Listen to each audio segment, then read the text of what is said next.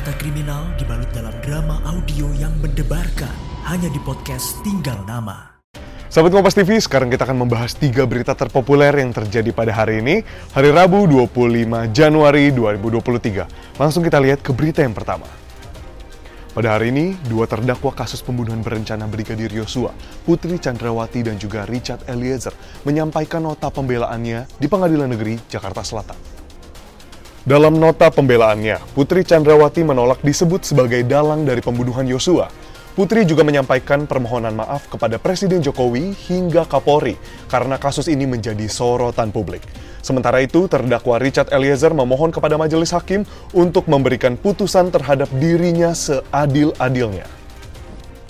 Persatuan Perangkat Desa seluruh Indonesia melakukan aksi di depan gedung DPR RI. Sebanyak 70 perwakilan dari PPDI menemui Komisi 2 DPR untuk menyampaikan tuntutan.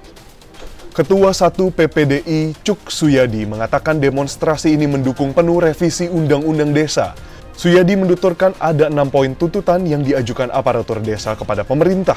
Di antaranya, menuntut pengakuan yang jelas perangkat desa dengan status ASN atau P3K serta meminta penghasilan tetap perangkat desa. Berita terakhir datang dari Presiden Joko Widodo yang menghadiri rapat kerja nasional BKKBN pada Rabu pagi.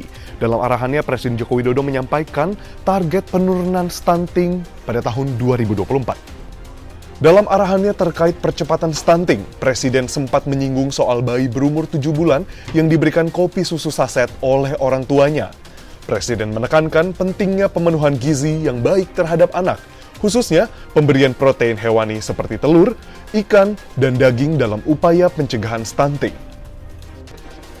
Dan itulah dia sahabat Kompas TV, tiga berita terpopuler yang terjadi pada hari ini. Saya Edwin Chan, pamit undur diri. Sampai jumpa di Top 3 News Kompas TV berikutnya.